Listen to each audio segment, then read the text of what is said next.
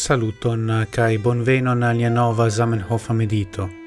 Hodiau estas Pasco kai mi volas legi kai mediti kun vi sur el tiro e la unua caseta articolo post la serio en la esperantisto do caseta articolo kiu aperis en alia caseto kiu estis publikigita en la jaro 1896 char shainas al mi che Pasco besonas freshan comenzon. Do, mi legos el pagio ducent dec quin.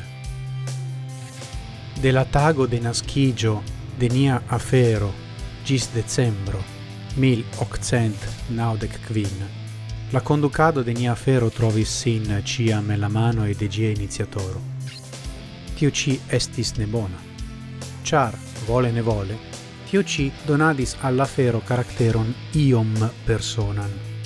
Sed bedaurinde alie ne povis esti, char existis ancora un eniu, quiu volus cae povus preni sur sin la conducadon de la fero, sed la nuna gazeto quiu estas bonege redactata, en quiu mi ec unu vorton ne trarigardas antaŭ la presado, kaj de kiu aperas iam la sepa numero, montras tre convince che nun nia afero estas iam tutte mem stara. Cae ne besonas pli ne sole mian conducadon, sed ec mian helpadon.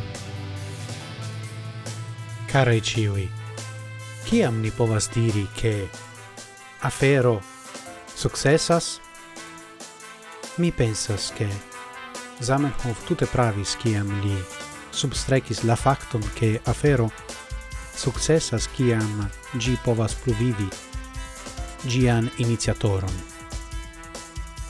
Do kiam la afero mem ne plu dependas de la homo kiu iniziatis gin, sed povas stari sur proprai piedoi sen la helpo de la unua entusiasmulo.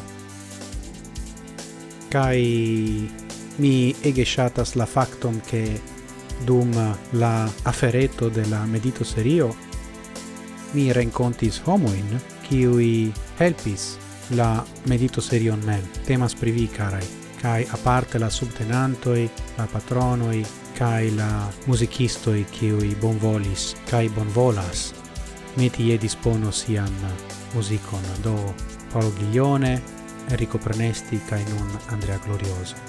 Dankon pro via atento de nove bonan pascon, gis morgau kaj kiel ciam. Antauen sen fine.